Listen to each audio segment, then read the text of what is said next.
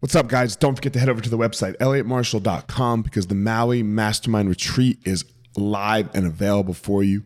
Four amazing days doing jiu-jitsu some aloha culture some amazing mindset work so that you live uh, the life that you have always been wanting to live to help you start to gain those tools so elliottmarshall.com click on uh, programs retreats maui mastermind retreat and it is live and available. And if you bring a friend you and your friend both get 15% off the, the experience.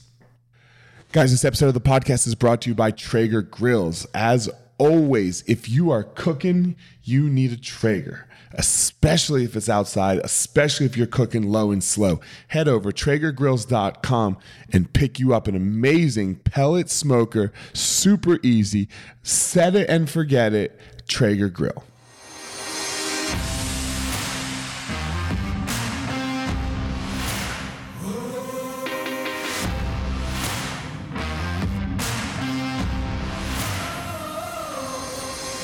What's up, my ninjas? This is former UFC fighter Elliot Marshall, and this is the Gospel of Fire, where we are going to learn how to go into the fire so that we can find our power and live the best life possible.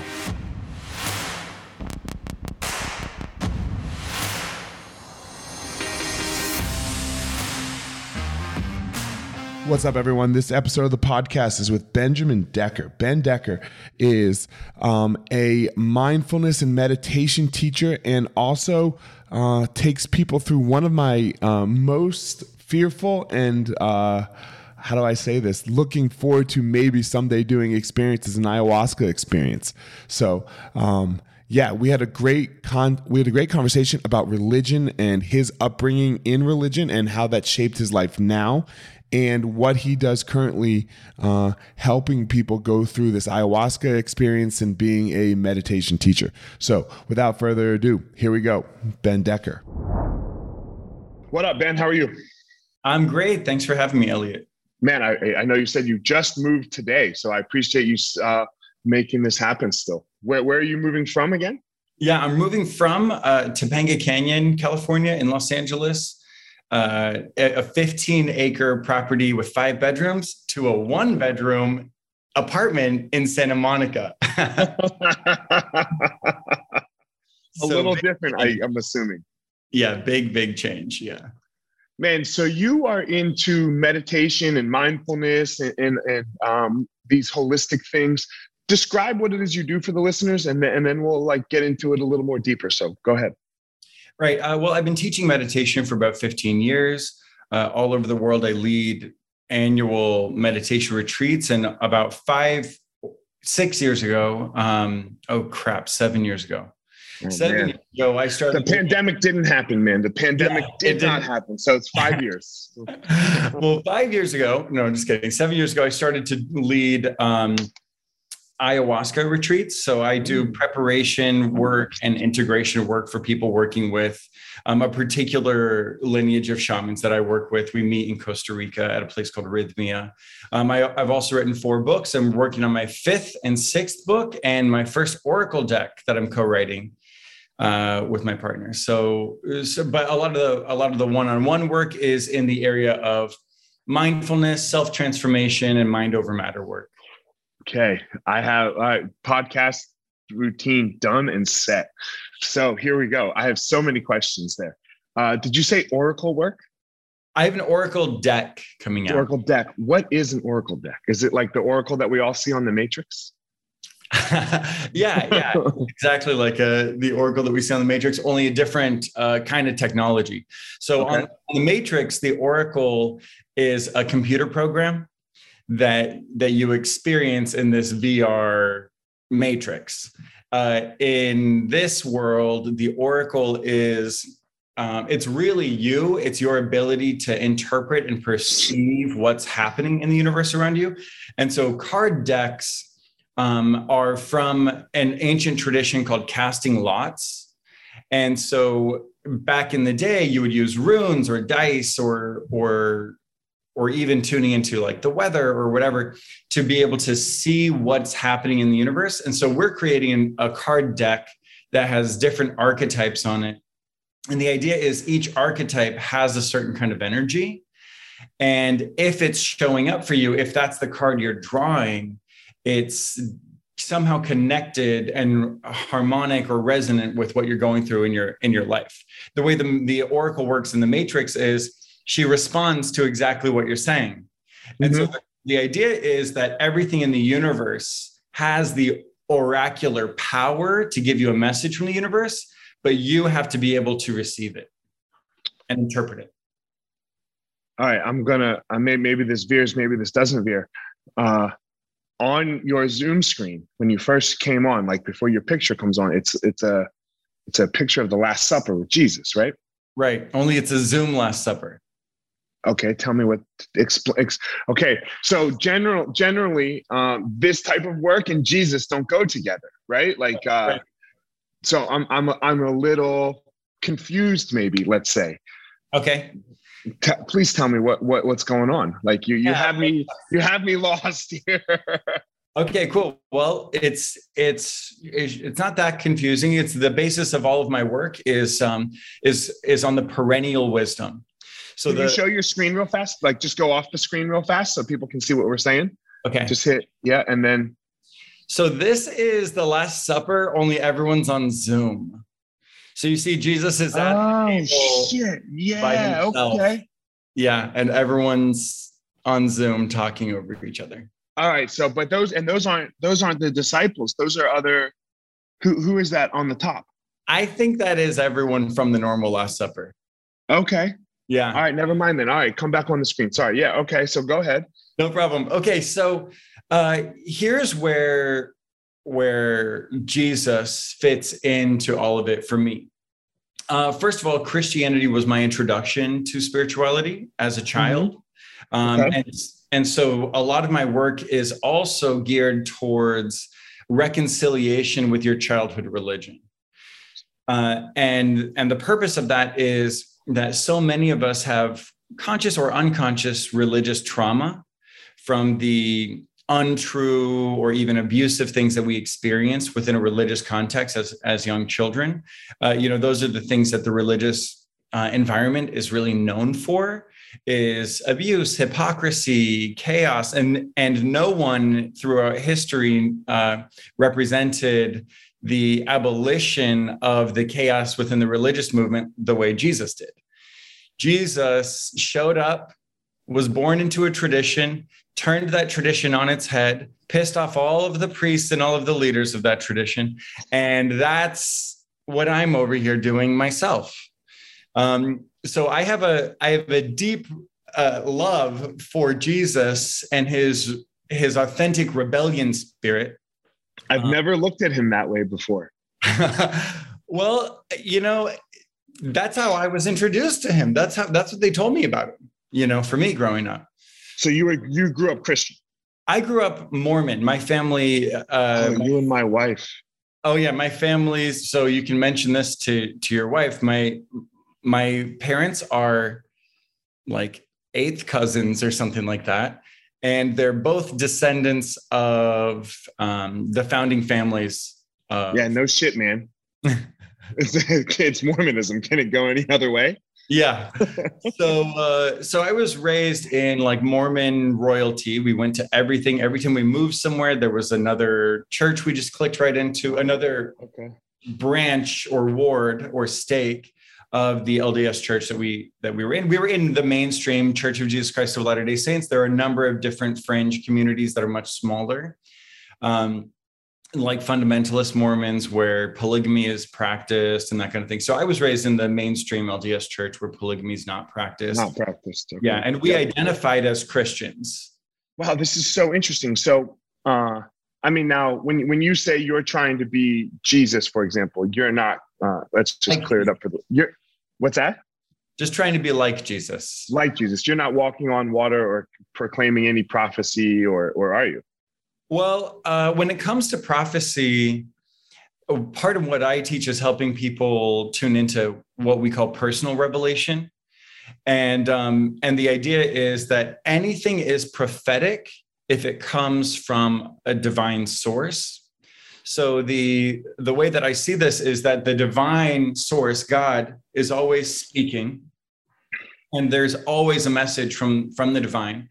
And then when we through meditation and prayer and contemplative practices we tune ourselves into the divine then we can actually start to hear we hear that channel that's always playing and and then whenever we create something from that place it's prophetic so, so you go ahead so, so I would say that um, you know I was raised in a religion that believed in a living prophet. I was raised being taught about speaking to angels, speaking to the spirit.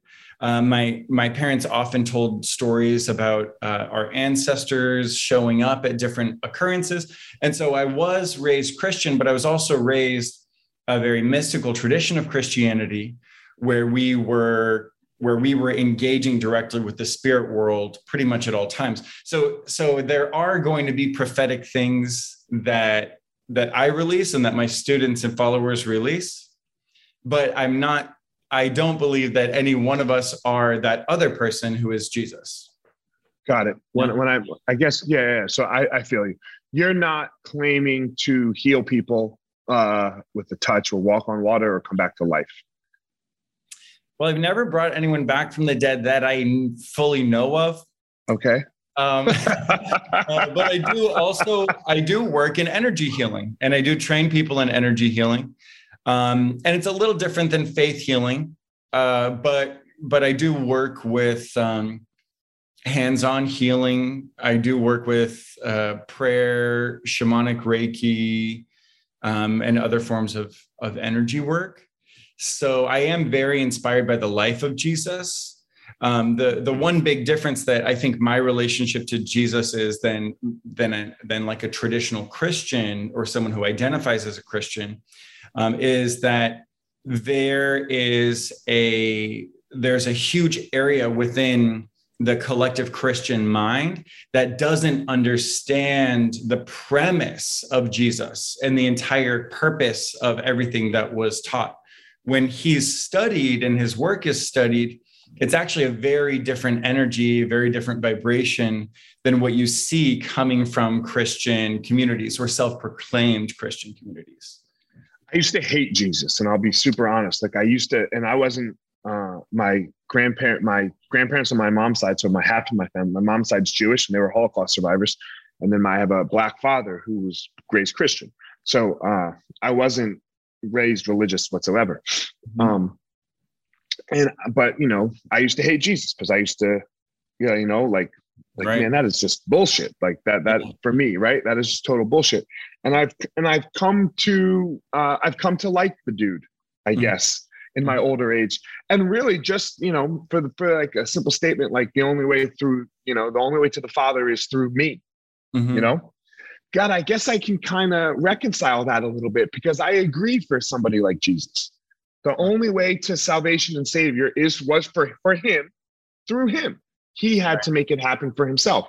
Right. And you do for you and I do for me. Right. right? So in that sense, yeah, we're all kind of prophetic. I, I think it's through me through yeah, through the me. I, through the individual, yeah. through the self. The only way yes. the self. And so that's one of the most important things. You brought up one of the most important teachings of Christ is that you have to do it. Mm-hmm. Um, there is a sacred law that he taught, which is grace. The Buddha, who came before Christ, uh, five six hundred years, he taught the law of karma, which is cause and effect. And Christ taught the transcendence of karma, which is mercy, grace, forgiveness, which we call a miracle. Right. So, so the miracle transcends the law of cause and effect, which is the special thing that Christ brought in. And and yes, it's only because of grace. That's the thing that Christians don't like when we say things like it's through me, I have to do it. They say no, Jesus does it. And and that's where it starts to get a little bit muddy because mm-hmm. the law of grace, the cosmic divine law of of grace through forgiveness, the power of the miracle um, is what Jesus taught and embodied and represented. And what he kept saying was, You're a child of God too. It's only through your own inner world. The kingdom of heaven is within you. It's only through you that that grace can actually be accessed. So, so you just nailed it right there. You, and look, I'm totally down with this like 100%. And and uh, it's been a it's been a revelation for me in the last you know five years or so uh, to be like ah, I don't think he was that off. Right. You know, I don't think he was that off. I, I think we as a society and people have uh, you know butchered this so right. that pow- power money as we do power money everything you know mm-hmm. so um man there's another topic that you said there in in the beginning uh, that i'm very interested in and but i'm petrified of as well. I am fucking petrified of ayahuasca.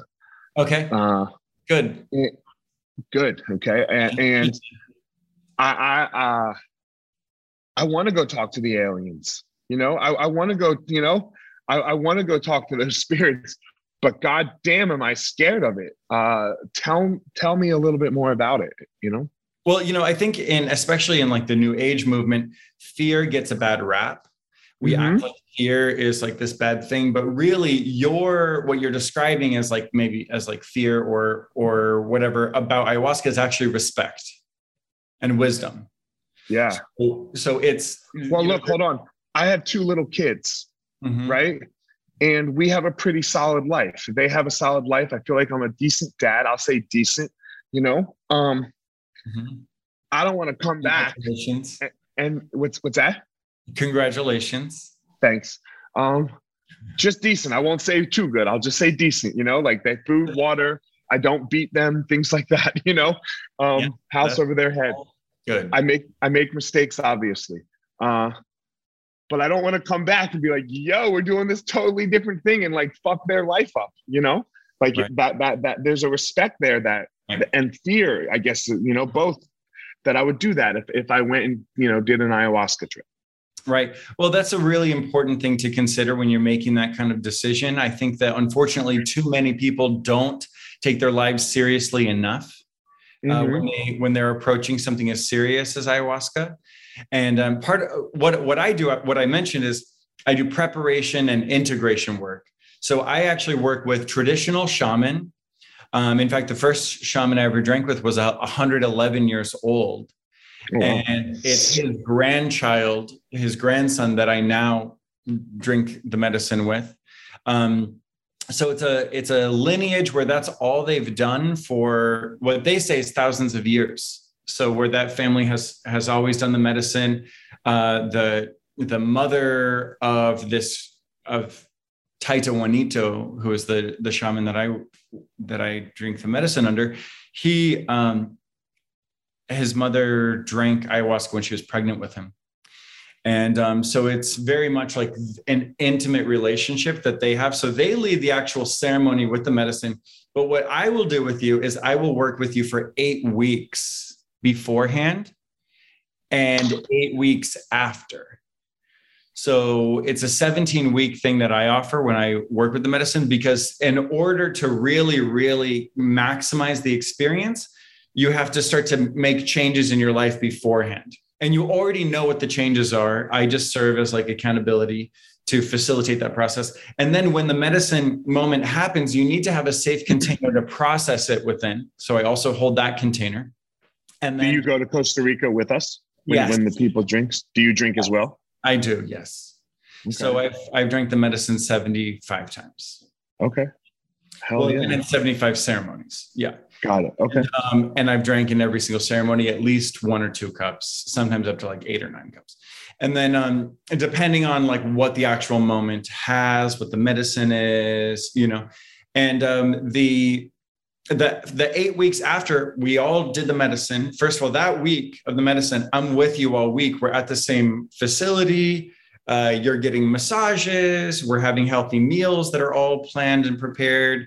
You're doing yoga. We're meditating. Uh, there's the beach there. Some people go horseback riding. Some people tour the local volcano. You know all different kinds of things mm-hmm. that are completely different than your normal life. So it's a transformative week no matter what happens and then for the following eight weeks, I work with you to help ground and stabilize those realizations that you happen in the medicine that, that you receive that happened for you in the medicine so that you're able to integrate them into your life in a way that honors all that you've created and all that you've built and all that you love and care about Have you seen it go bad? It goes bad all the time. What does that mean? It means that many, many people, there's an expression fools rush in where angels fear to tread. Have you heard that? No, explain it. Fools rush in where angels fear to tread. It means angels, a higher celestial being who knows more, who understands more, who has greater cosmic knowledge.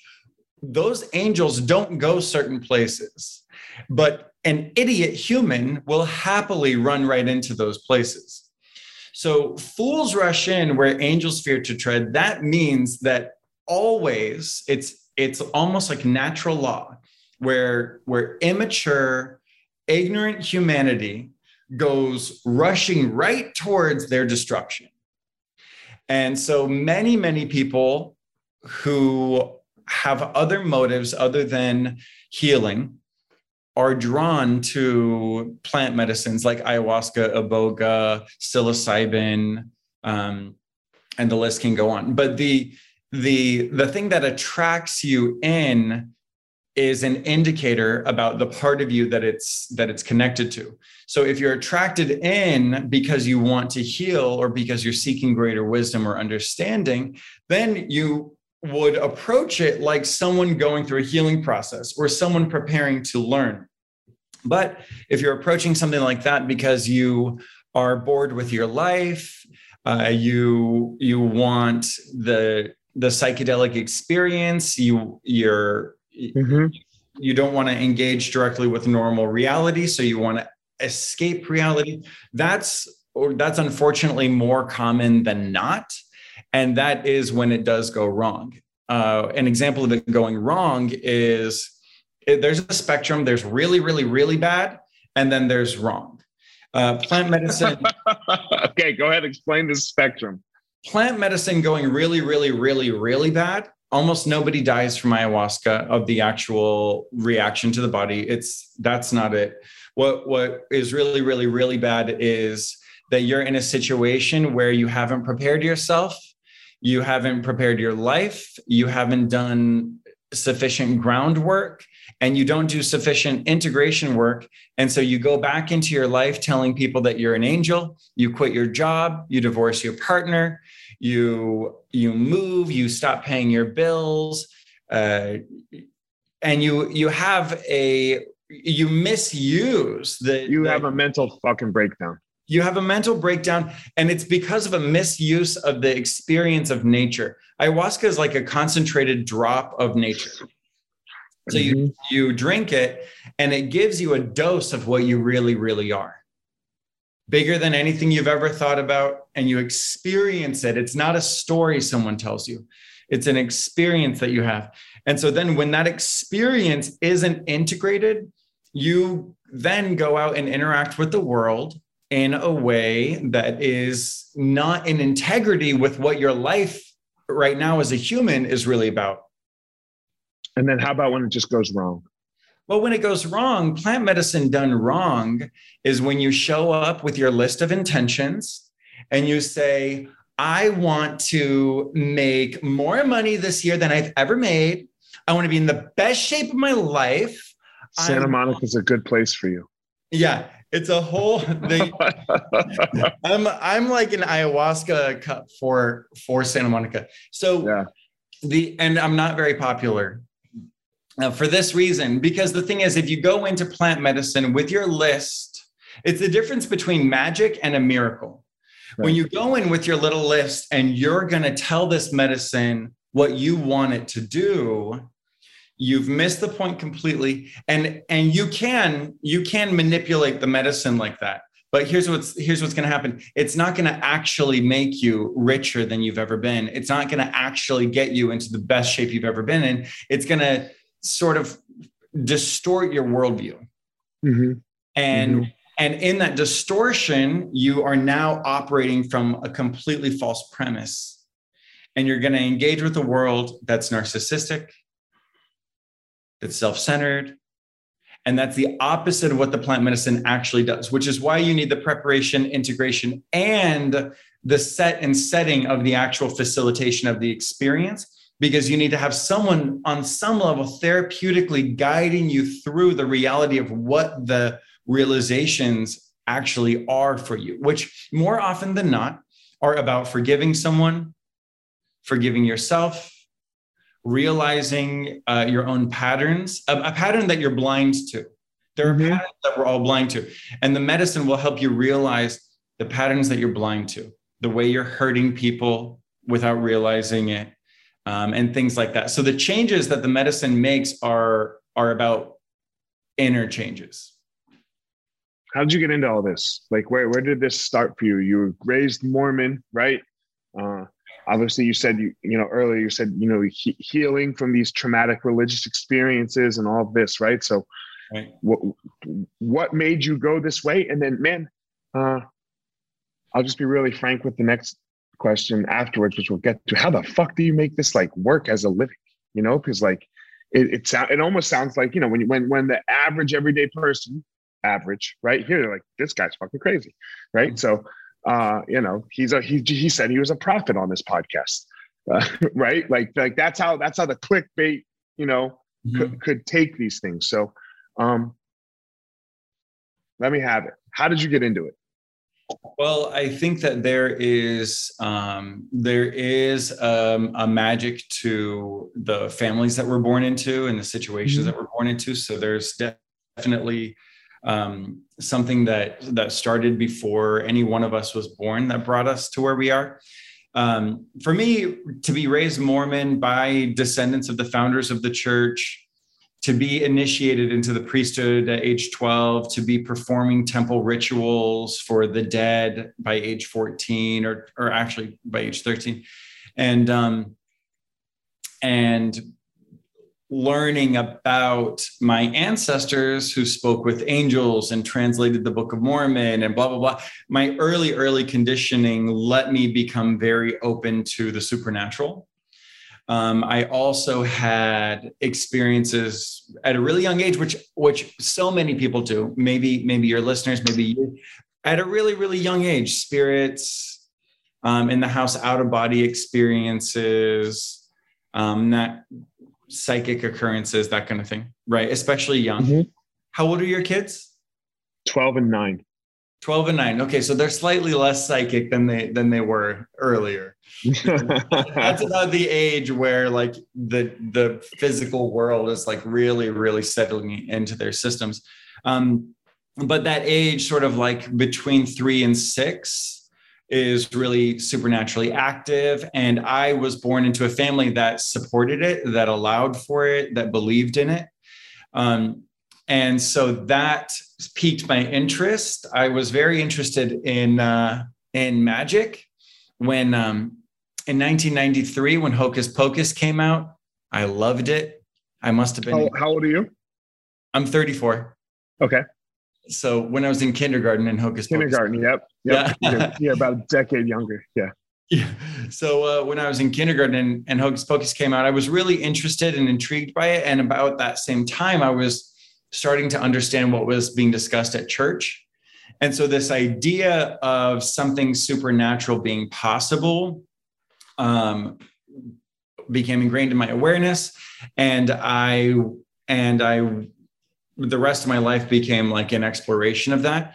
So I, and it was also hard being being gay and a teenager and a priest in this religion that was homophobic and um and so supreme supremely homophobic yeah supremely mega homophobic like right. my ancestors one of my male ancestors had 250 wives um I still think that the the the ladies probably had something going on with each other, but I can't. Um, but it's it's about as opposite of gay friendly as it could possibly be, and um, you know the and and that just that just occurred for me as not this church is wrong or this religion is wrong. That's not how it first occurred to me. That that those realizations came through a healing process later. At the time, i felt like I was wrong. There was something wrong with me and I became very depressed and suicidal.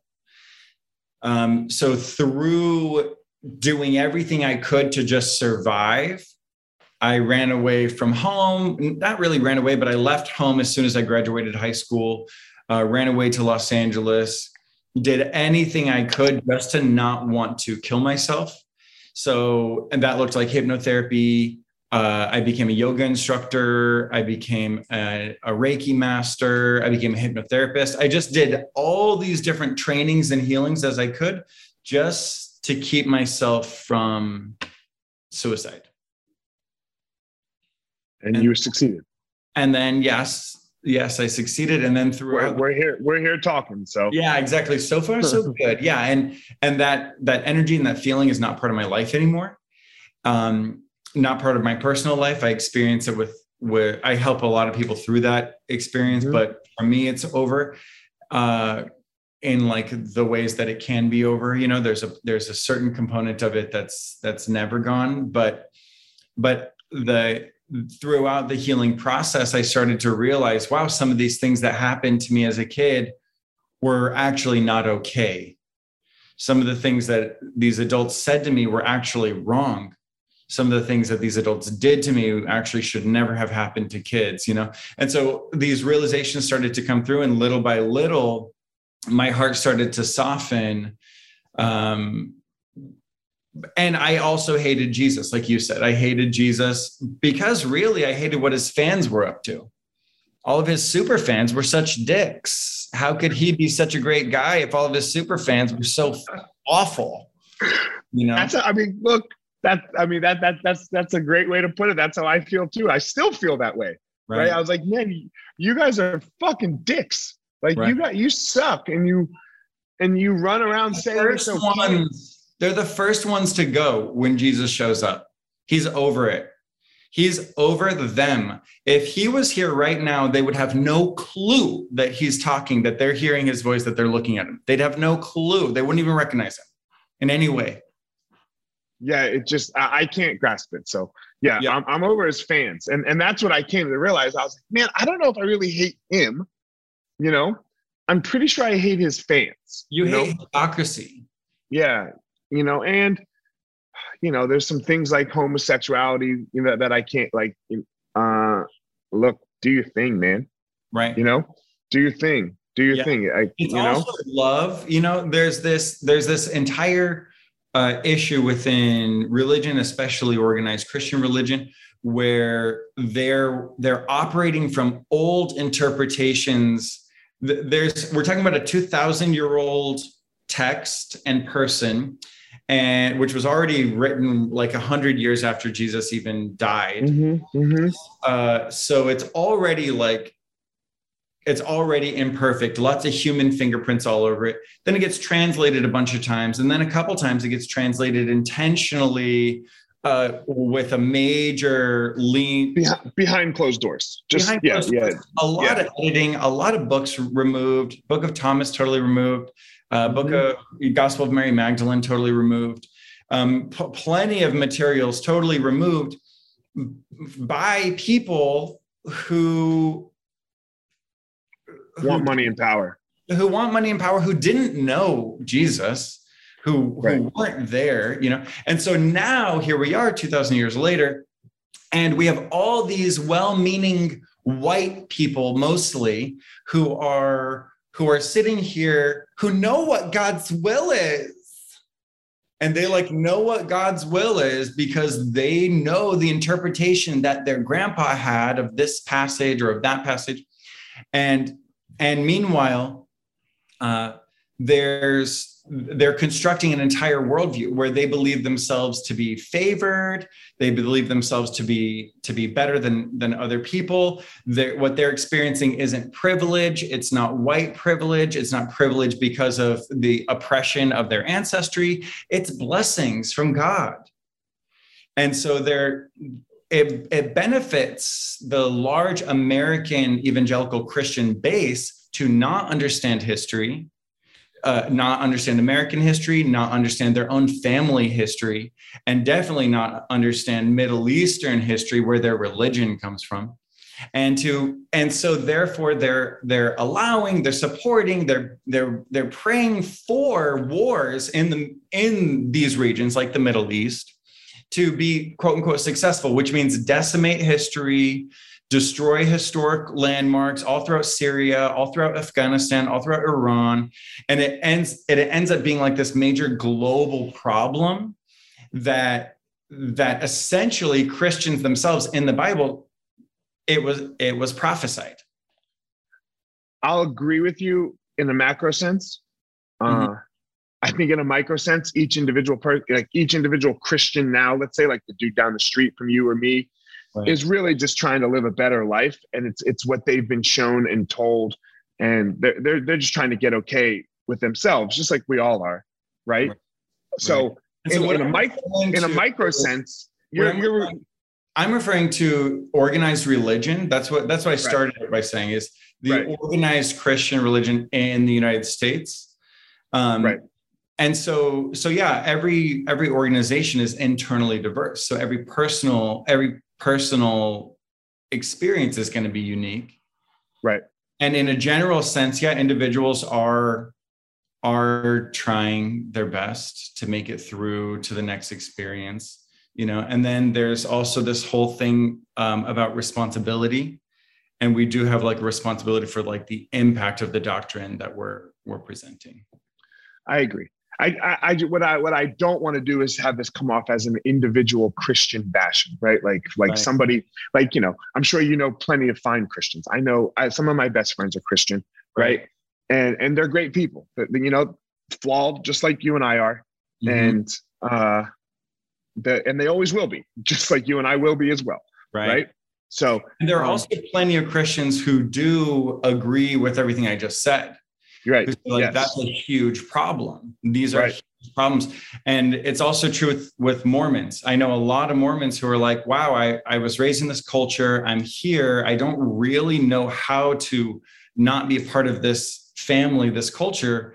Um, but I do understand that there's there's some major problems when it comes to some key issues.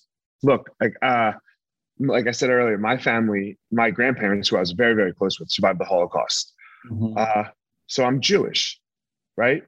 But with a with a big uh, emphasis on the ish for me, right? Mm-hmm. A lot of Jews say this: we're we're secular Jews. Yeah, we're Jewish. Yeah. You know, like right. I light the candles. Uh, excuse me, for my grandparents because they're dead. Uh, I fast on Yom Kippur for my grandparents because they're dead it's going to bring me no salvation in any way whatsoever. I don't believe, right? Like, but I do all of the Jewish traditions, or most of, not all of them. I do a right. lot of Jewish traditions because of what my grandparents gave me. And I want my kids to always remember what they got from and, and to remember our history. So I think there are a lot of, you know, Jewish people, just like there are Christian people. And then, then there's the people that actually do all the, the damage. So, um, as we wrap up this podcast, it's been fa- fascinating for me. Mm-hmm. Um, I've, I've, really enjoyed it.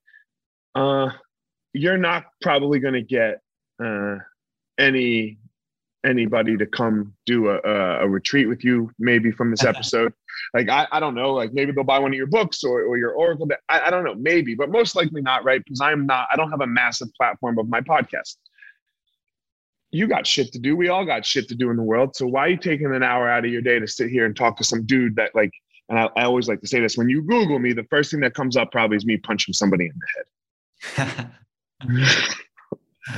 uh, you know, I um, I'm always very intrigued by who who shows up. I don't mm-hmm. say yes to everything, but I do very much to live in a place of following my intuition. Um, I you you mentioned how do I make a living of, of doing this? Really, my living is made as a writer. Okay. So, so, I'm a I'm a writer. I write books. I write articles. I I also ghostwrite for other for other authors. And, okay. Um, and that allows me to have the freedom to uh, to do what I want. And and for me, someone like you who is a balanced person who's wanting to see things from multiple different perspectives. I went through your Instagram, I looked through your your I scrolled through your podcast and and it just felt like you were uh, you were operating from a really unique point of attraction. You were attracting in a really diverse community.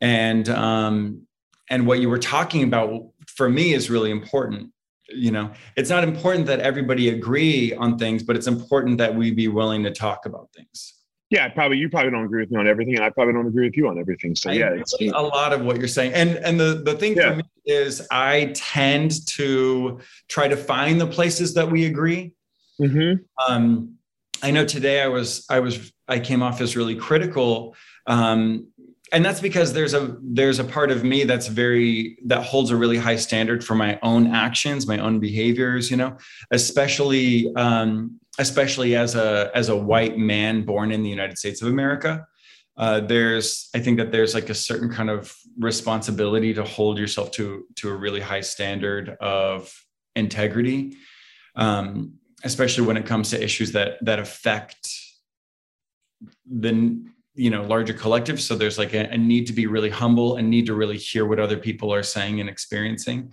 mm-hmm. and, um, and i think that I, I just really appreciate what what you were what you were sharing and and i do i do have a little bit of a gift and maybe it sounds crazy to you or maybe some of your people but i am very intuitive Look, that's my next question is what's your gift? So yeah, you're very into that. That's that's what I follow up this question. So go ahead. And so I so I do see um, this as being significant, this conversation. And I do see what you're doing as being significant and relevant in a long-term kind of way.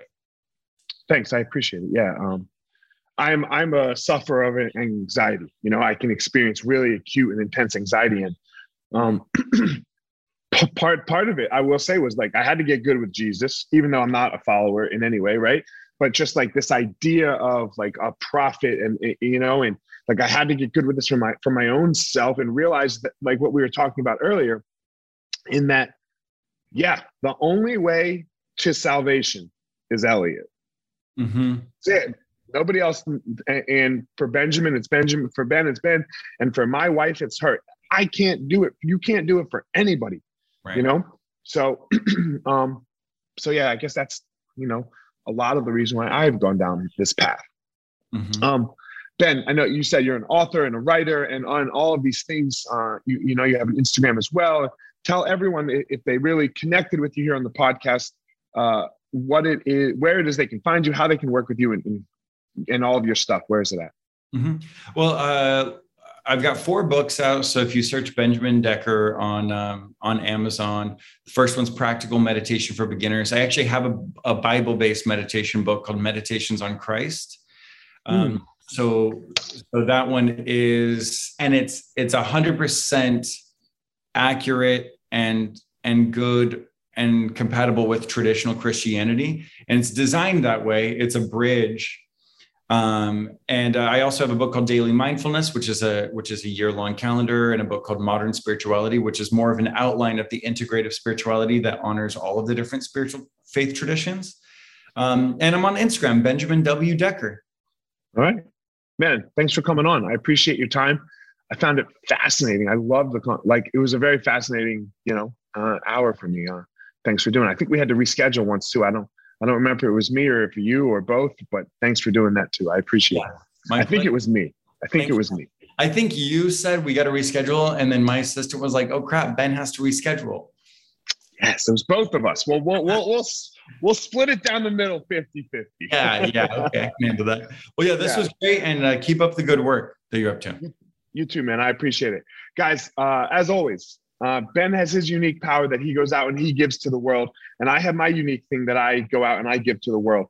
Uh, don't go out in the world and try to be Ben. Don't go out in the world and try to be me. Go out there and find your own power, everybody. All right, everyone, thanks for listening to this episode of The Gospel of Fire. If you enjoyed the episode, I'd love a review on iTunes or wherever you are listening to this podcast. Don't forget to follow me on social media at Fire Marshall 205 if you are a BJJ enthusiast, check out my YouTube channel. I put all kinds of instructional DVD uh, videos out on there, so go check it out. My book is still out on Amazon by the same name as the podcast, The Gospel of Fire.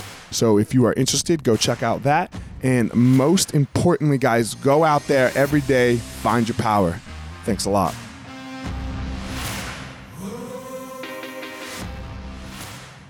Guys, look, I get it. I totally get it. You opened a martial arts school and man, it's kind of crushing you. There's all this other stuff to do other than teach, right? You love teaching. You love jujitsu. You love Muay Thai. You love karate. Whatever it is you're you're teaching. And man, but there's all this other stuff. There's there's the front desk. There's there's taxes. There's curriculum. There's cleaning. There's there's problems, staffing, covering. Whew, man, it's so much. It's so much. Well, let me tell you, uh, we have started what's called Easton Online, and Easton Online is here to solve all of these problems for you. Easton Online is a digital academy for martial arts school owners and managers. Will help you establish or enhance your business with best practices. Most importantly, we're going to help you get back to what it is that you love most teaching and doing martial arts. Okay, so for more information, guys, go to easton.online. Again, that's easton.online. Add your email. You're going to get notified about the course launches. Our first course is going to be all about the first impression specialists, your front desk, and all kinds of stuff, special offers, promotions, as well as we started a podcast by the same name, Easton Online, that's going to talk about our process of how how we went from a tiny little martial arts school to what is now seven martial arts schools, seven Brazilian Jiu Jitsu Muay Thai schools, um, in a very holistic way that we believe um, kept the integrity of the art and also deals with its people very well. So again, Easton.online, enter your email and you're gonna get all you're gonna get everything you need right there. So thanks, guys.